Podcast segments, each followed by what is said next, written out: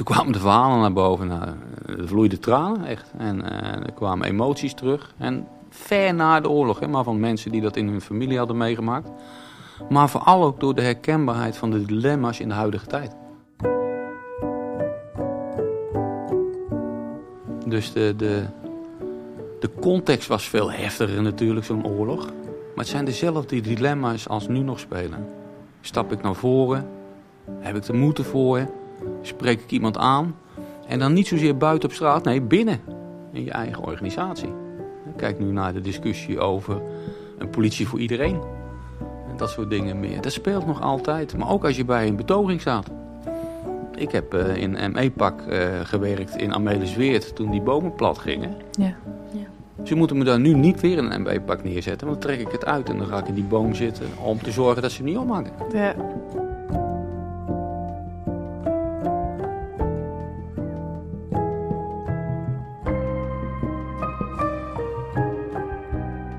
Je luistert naar Utrecht in oorlogstijd.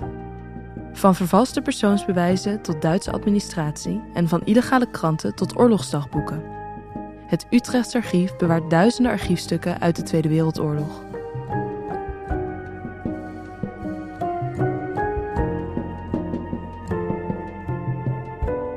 Ik ben Meerte en samen met mijn collega Kathleen ga ik in gesprek met ooggetuigen, nabestaanden en experts op zoek naar de verhalen die schuilgaan achter deze collectie.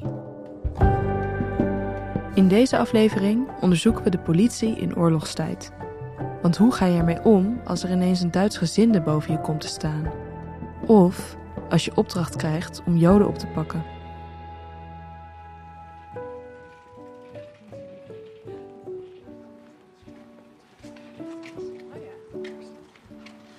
Even hier staan? Ja, is goed. Even uit de regen.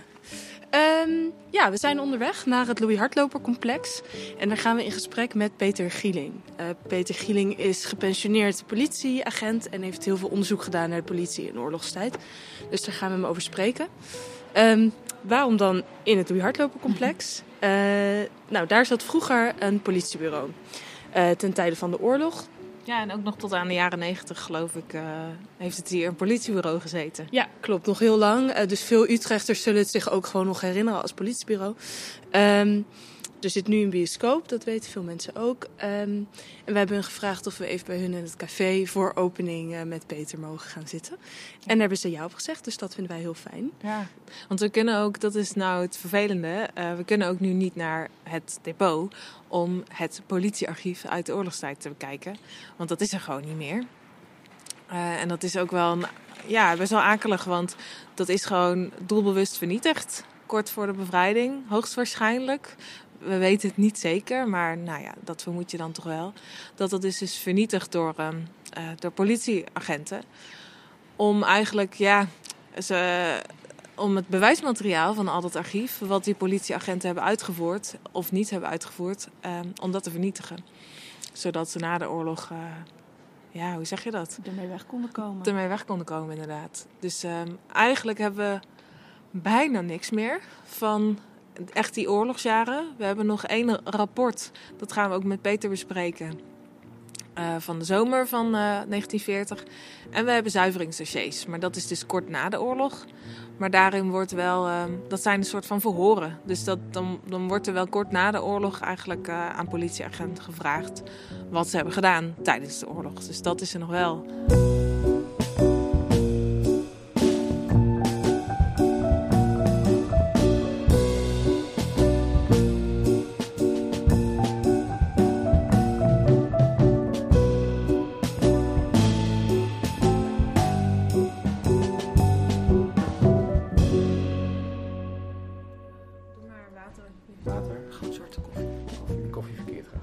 Aangekomen in het café van het Louis Hartloper gaan we zitten aan een tafeltje in de hoek.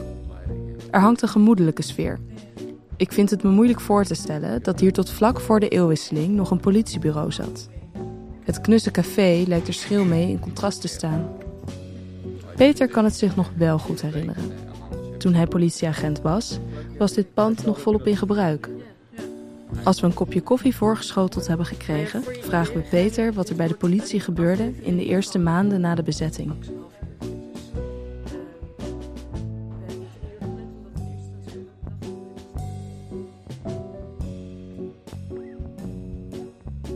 Nou, dat was al heel bijzonder hoe die Duitsers binnenkwamen. Het was natuurlijk even schrikken en de bombardementen waren heftig. En daarna, kort daarna, wordt het eigenlijk ja, business as usual. Ik ken het Duitse woord niet, maar eh, dan lijkt het weer normale orde van de dag.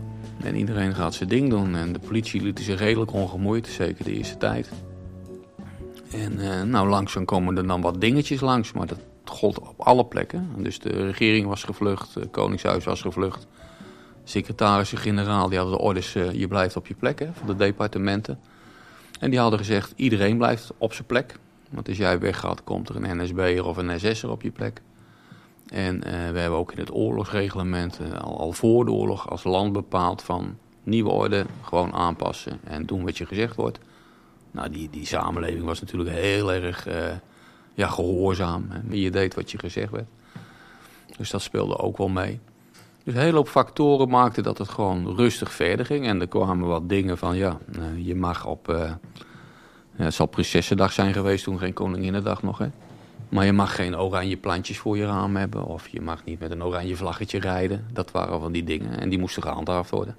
Nou, er zijn voorbeelden te over van, denk ik. Ja, zou je daar eens... We hebben een verslag inderdaad uit 1940. Rond uh, in augustus zijn, uh, is ja. Wilhelmina inderdaad jarig. En dan, uh, dan, dan is er wat verzet onder de burgers. En dat is wat de politie eigenlijk moet handhaven. Ja. Zou je eens... Ja, en datzelfde verzet was er natuurlijk ook bij die politie. Dus de vraag is maar hoe strak dat gehandhaafd werd. Maar dit is wel een... Uh, ja, in enige huizen en winkels lees ik hier, op de Oude Gracht en de Abstede Dijk, zijn vaasjes met oranje bloemen op last der politie verwijderd. En er is door de politie in de Nachteralstraat aangehouden een wielrijdster, Margaretha van Wijk. En die was 26 jaar.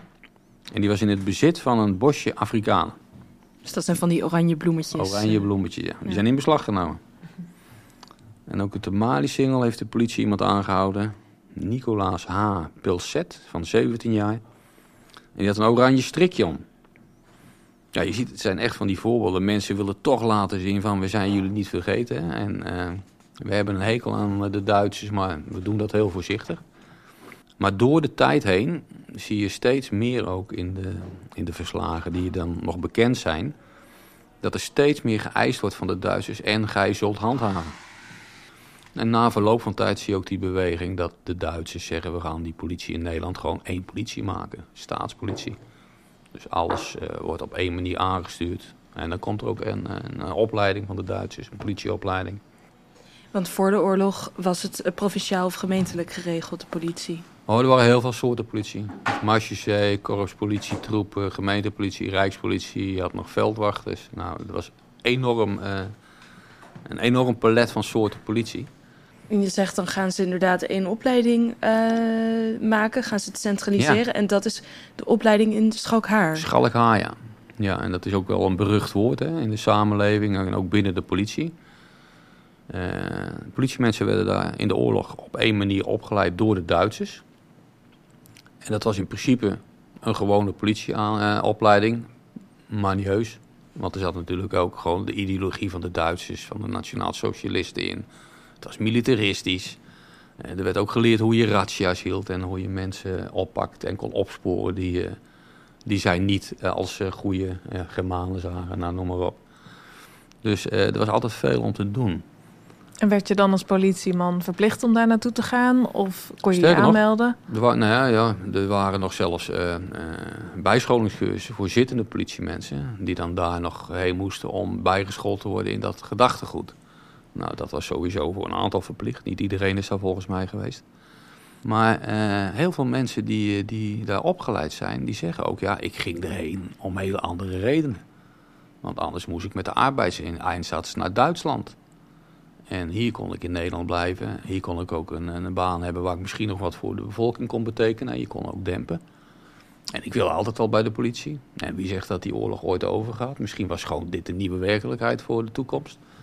Dus uh, er zullen ook NSB'ers en SS'ers heen gegaan zijn... Hè, die hier gewoon al fout waren en die ook politieman werden. Maar er zaten ook hele grote groepen die gewoon tussen aanhalingstekens de politieopleiding deden. Ja, en dat kunstje van die ideologie, zeggen ze dan zelf er maar bij pakte. Dus die noemde dat ook uh, onderduiken bij de vijand. om naar die politieschool te gaan. Ja. In de zomer van 1942 komen de eerste schalkhaarders in Utrecht terecht. Rond diezelfde tijd wordt er een nieuwe hoofdcommissaris aangesteld. De fanatieke NSB'er Gerardus Kerlen. Slechts een jaar later zal hij worden vermoord door verzetsvrouw Truus van Lier. De afdeling Politieke Recherche bestaat inmiddels volledig uit NSB'ers. Voor de bezetting sporen zij mensen op die politiek onbetrouwbaar worden geacht. Dat zijn vooral communisten. In de oorlog krijgen zij een nieuwe naam, de Centrale Controle. En ze krijgen een nieuwe opdracht: het opsporen van Joden. Nou goed, die hele afdeling zat hierboven, een man of dertig geloof ik. En uh, op een bepaald moment, een jaar later, denk 41, 42 zo'n beetje. Toen is een klein deel, een man of 8, 9 zo'n beetje, met de bazen erbij.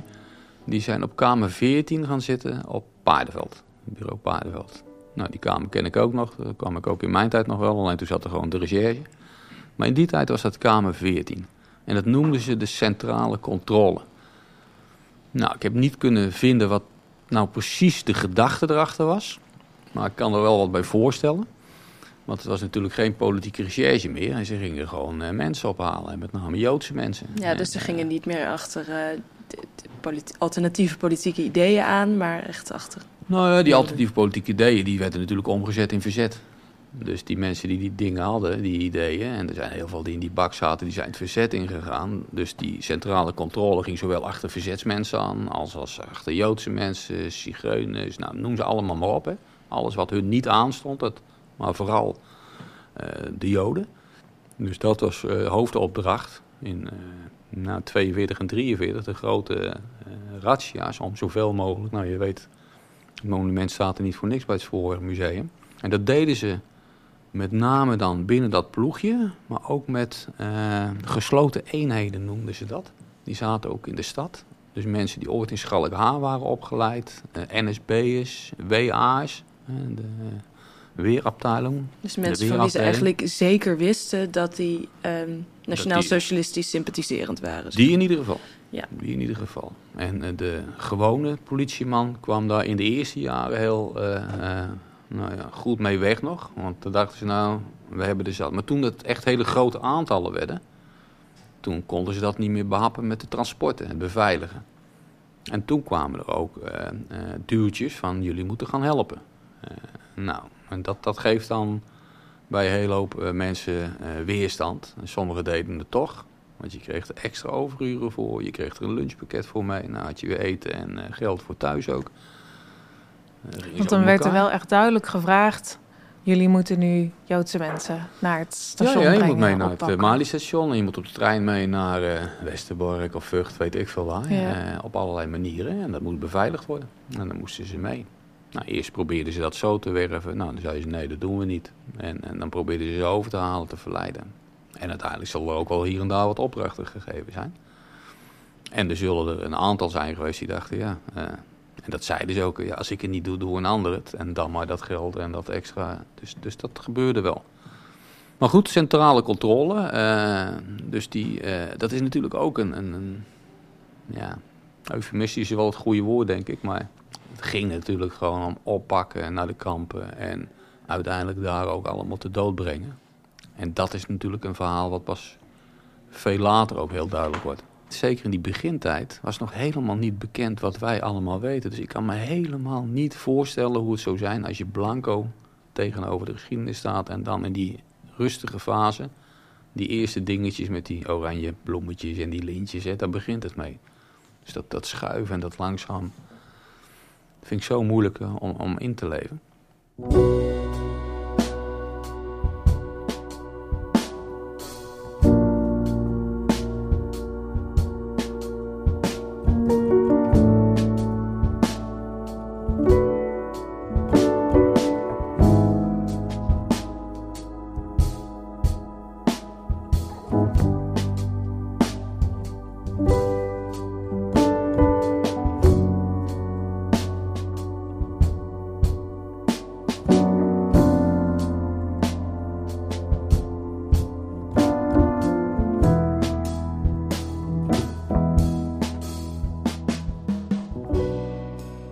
Spreken Jan Vernooy in een kamertje op ons kantoor op de Alexander Numankade.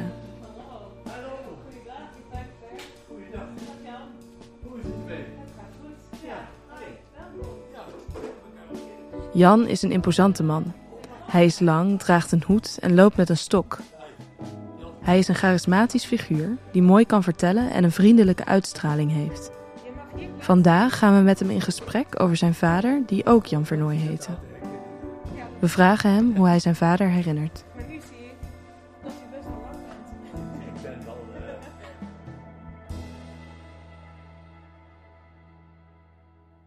Uh, gezagsgetrouw, katholiek. Ja, en heel, uh, heel katholiek, ja. En, uh, en, een, en, een, ja, en een vader die, die veel te vertellen had, maar ook heel veel te vertellen had over de oorlog. En dat stuitte wel eens op wat onbegrip in de familie. Ja. Want het was toch ja, voornamelijk de oorlog waar die, waar die steeds over begon. Daar vertelde hij echt ruim vaak. Daar eh, heeft hij heel veel over verteld. Ja. ja. En even een schets.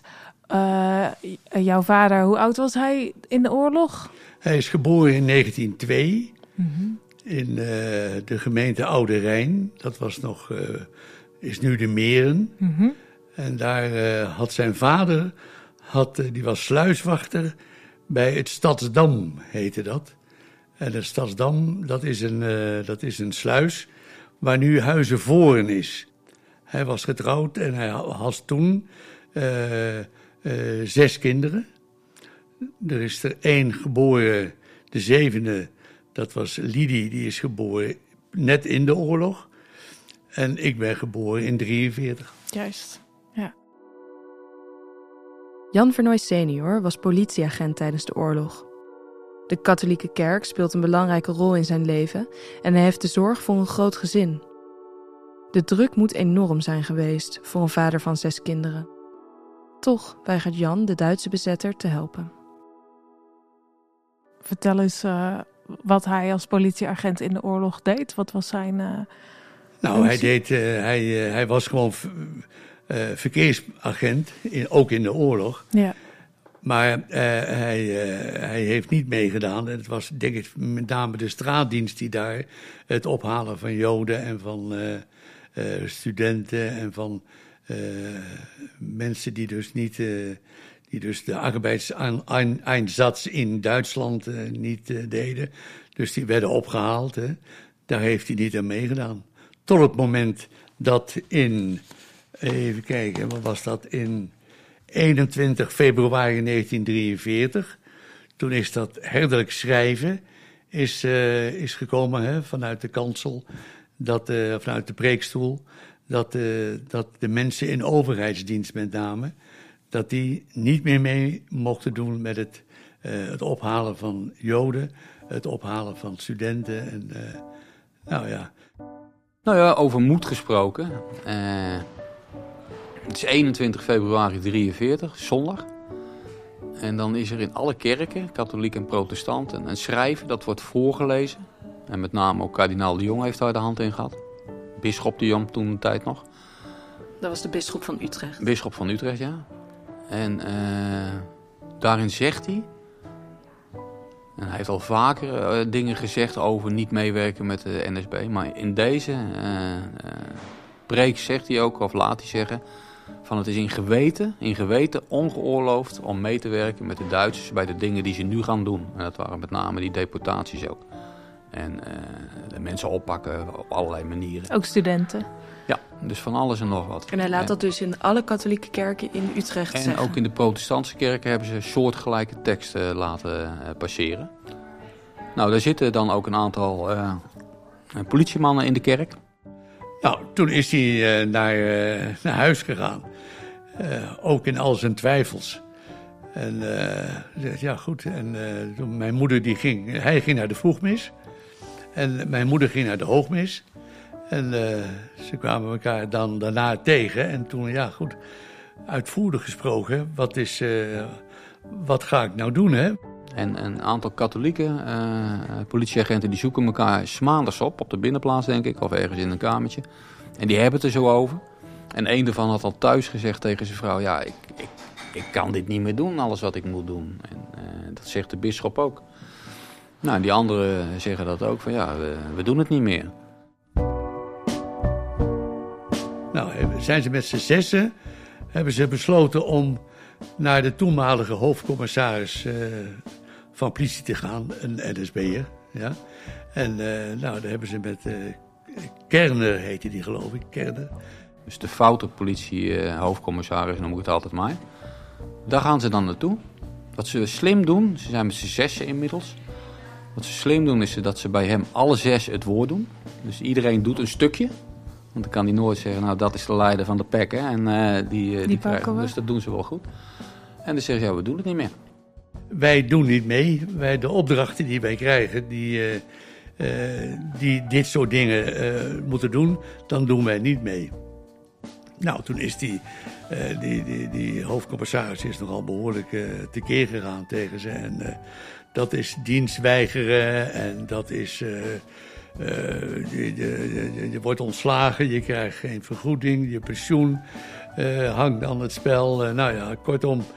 de gevolgen waren enorm. Nogal behoorlijk onder druk gezet. En, en dan stuurt hij ze weg om na te denken.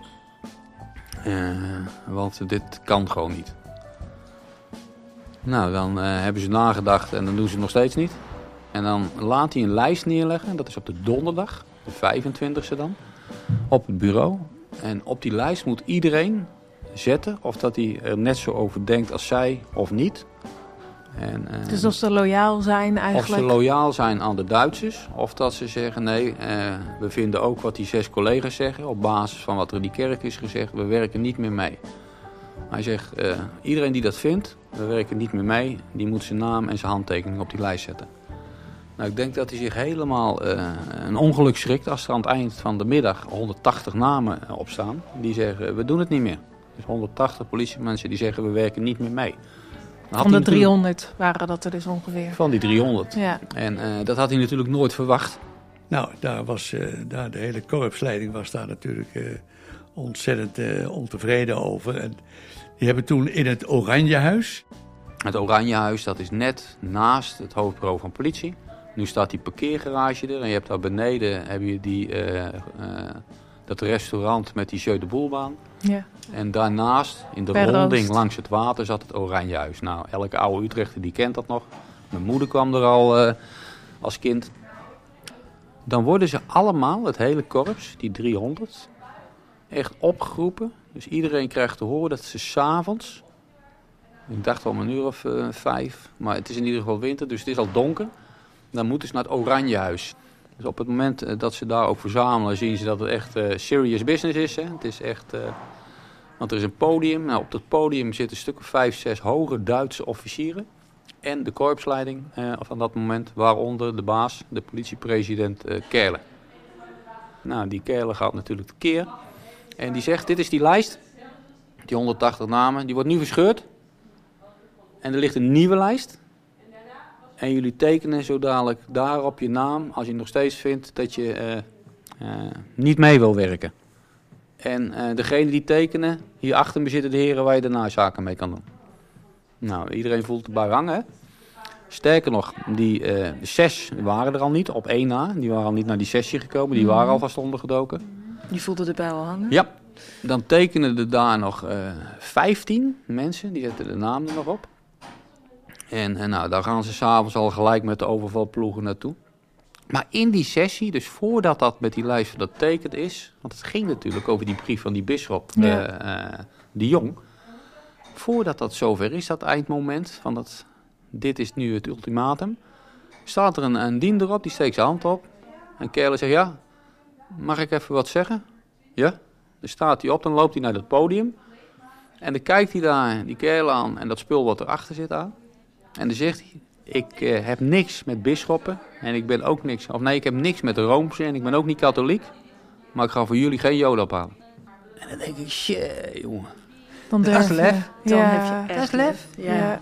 Ben je down in de put, zonder werken, zonder fut, kom mee met ons en maak een tochtje met de watergeus. op te wekken, moed te scheppen is de leus. Oh zo. Wij varen rustig met ons scheepje recht door zee. Kom vaar mee, strijd met frisheid voor het wel en wee. Van Nederland en ons aller onafhankelijkheid. Elke week een stapje nader tot een tijd. Waarop wij van de vijand zijn bevrijd. En lijkt het nieuws soms wat benard, nooit zien wij te zwart. Denken maar naar regen, komt altijd zonneschijn. En na deze donkere tijd van willekeur, van schande en terreur, zal er een dag van vreugde en van weerzien zijn. Wij zijn trots en vol moed, want het volk van Nederland houdt ze goed. Het kleine Holland weert zich dapper als een reus. Het is oranje, het oranje, is de leus van u, van mij en van de watergeus.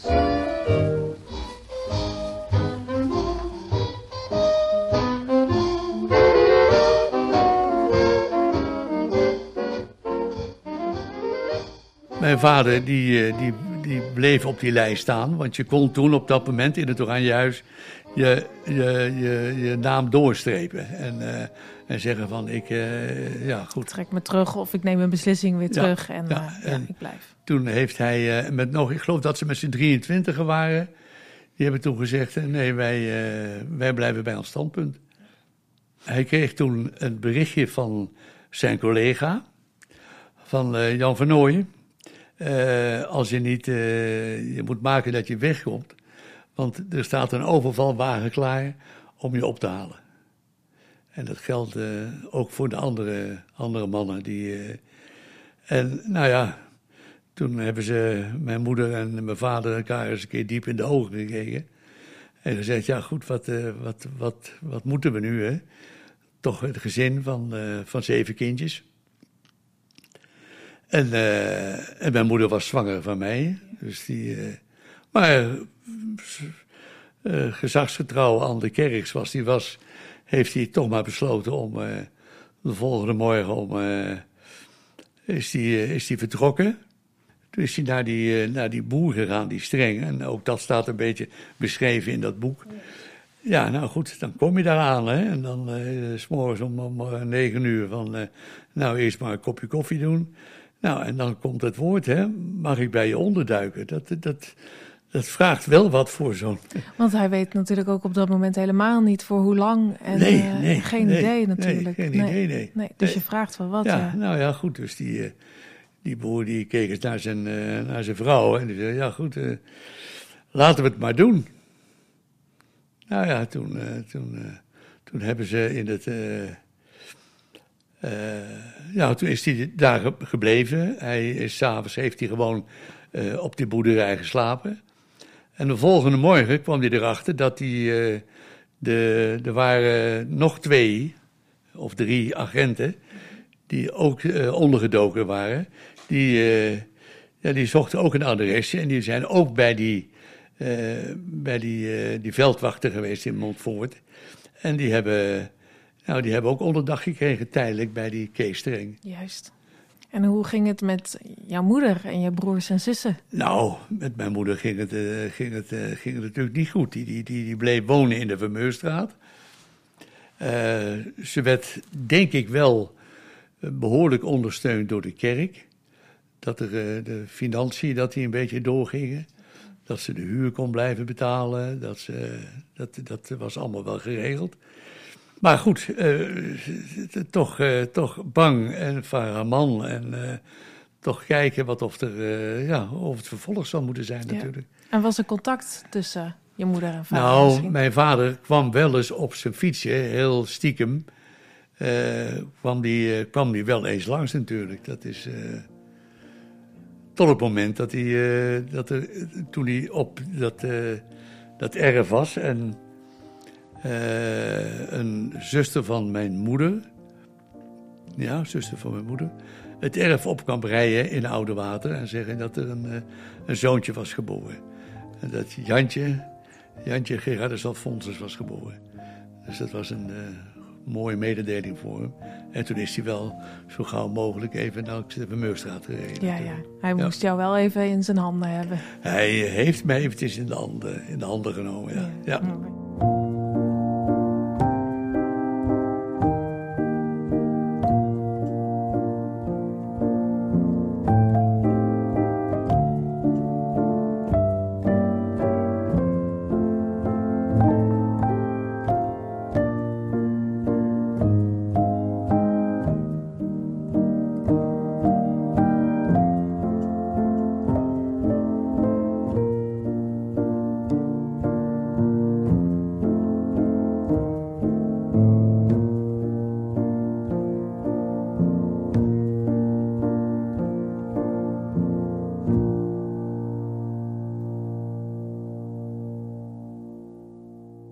Mei 1945 wordt Nederland bevrijd. Jan en zijn familie kunnen uit de onderduik komen. En ook de andere ondergedoken politieagenten keren terug. Maar de meeste agenten zijn de hele oorlog blijven werken. En onderling is er spanning en achterdocht. Dus hoe ga je dan verder? Ja, en kort door de bocht uh, wilde iedereen natuurlijk zo snel mogelijk alles uh, weer afgehandeld hebben. En vergeven en vergeten en, en doorgaan. Ook al omdat het was chaos in Nederland. Chaos na zo'n oorlog. En dan moet je de orde gaan handhaven. Terwijl je misschien wel het halve korps eh, in Nederland had moeten ontslaan. Omdat die altijd wel ergens bij geweest waren wat niet kon. Maar voor de goede orde, dat gold ook voor de ambtenaren. Dat gold ook voor de spoorwegen. Dat gold voor allerlei plekken. Maar goed, er is dus heel snel gekeken van uh, wie sowieso aanhouden en, en eruit. Daarna de zuiveringscommissies die zijn gekomen om te kijken van nou, hoe zuiveren we? Ja, er zijn mensen eh, eerst geschorst en later toch weer aangenomen. Ik geloof dat er iets van 140, 150 weg werden gezet, waarvan ja. uiteindelijk de helft toch weer in dienst mocht komen. En de, en de reden van eerst geschorst en daarna toch terug is natuurlijk ook omdat er mens, mensen te weinig waren om überhaupt... Sowieso, dat gold voor, want er kwamen nog heel veel eh, mensen bij als hulppolitie ook na de oorlog. Dus ook vanuit eh, de BS en al dat soort dingen meer, binnenlandse, binnenlandse strijdkrachten. En... Uh, dus, dus dat ging maar door. Maar het was wel een fase die heel onprettig was voor veel mensen. Want ja, er kwamen er terug waarvan we gezegd... Ja, jullie zaten lekker in een hooiberg. En de, de onderduikers die de dus onderduikers, ja. hadden gezegd, we gaan niet dat meewerken. de zittende dienders. En andersom zeiden ze, ja, maar jullie hebben meegewerkt met de Duitsers. Ja. ja, maar we probeerden ook ons werk te doen. Dus er was heel veel, en dat was ook confronterend. Omdat er dus zoveel spanning nog en wrijving Heel veel spanning, heel veel verwijten over en weer. Heel veel moeite met, ja, hoe ga je dan met elkaar om? Hè? Wat ik net al zei aan het begin van het gesprek. Van, ja, kijk, die is ook fout geweest. Ja. Dat, dat, soort dingen. En iedereen die zijn eigen hok ook. De katholieke collega's bij elkaar en de protestantse collega's bij elkaar. Degene die de keuzes hadden gemaakt in de oorlog om Schallers. Ja, Schalkaar.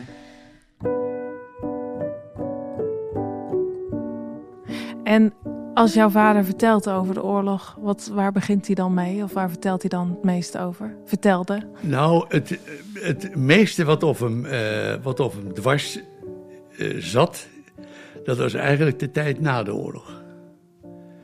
De situatie dat toen hij terugkwam, uh, er eerst wel wat zuiveringen plaats hebben gevonden. Waarin die daar heeft hij ook aan, uh, aan meegedaan om allerlei mensen op te halen. En uh, uh, ook een hoop foute collega's. Maar al gauw waren die zuiveringen, die zijn niet echt doorgegaan. mensen zijn wel teruggezet in rang. Die zijn, die zijn of, of ook wel zelf weggegaan. Maar ze zijn ook weer een hoop teruggekomen. En, en nou ja, dat was een behoorlijke uh, in het korps zelf was er, een, uh, ja, was er een behoorlijke tweedeling. En heeft je vader er ooit spijt van gehad, denk je, dat hij is gaan onderduiken? Oh nee, nee, geen moment. Nee. Hij heeft geen moment daar. Uh, hij heeft het alleen die andere mensen kwalijk genomen. Hè? En dan, ja goed, die verhalen in het korps. Joh. Ah jongen, jij bij de boeren gezeten, die heb je dik volgevreten. Ja, dit soort verhalen gingen dan door het korps heen. Dat was natuurlijk. Uh, nee, was niet lekker.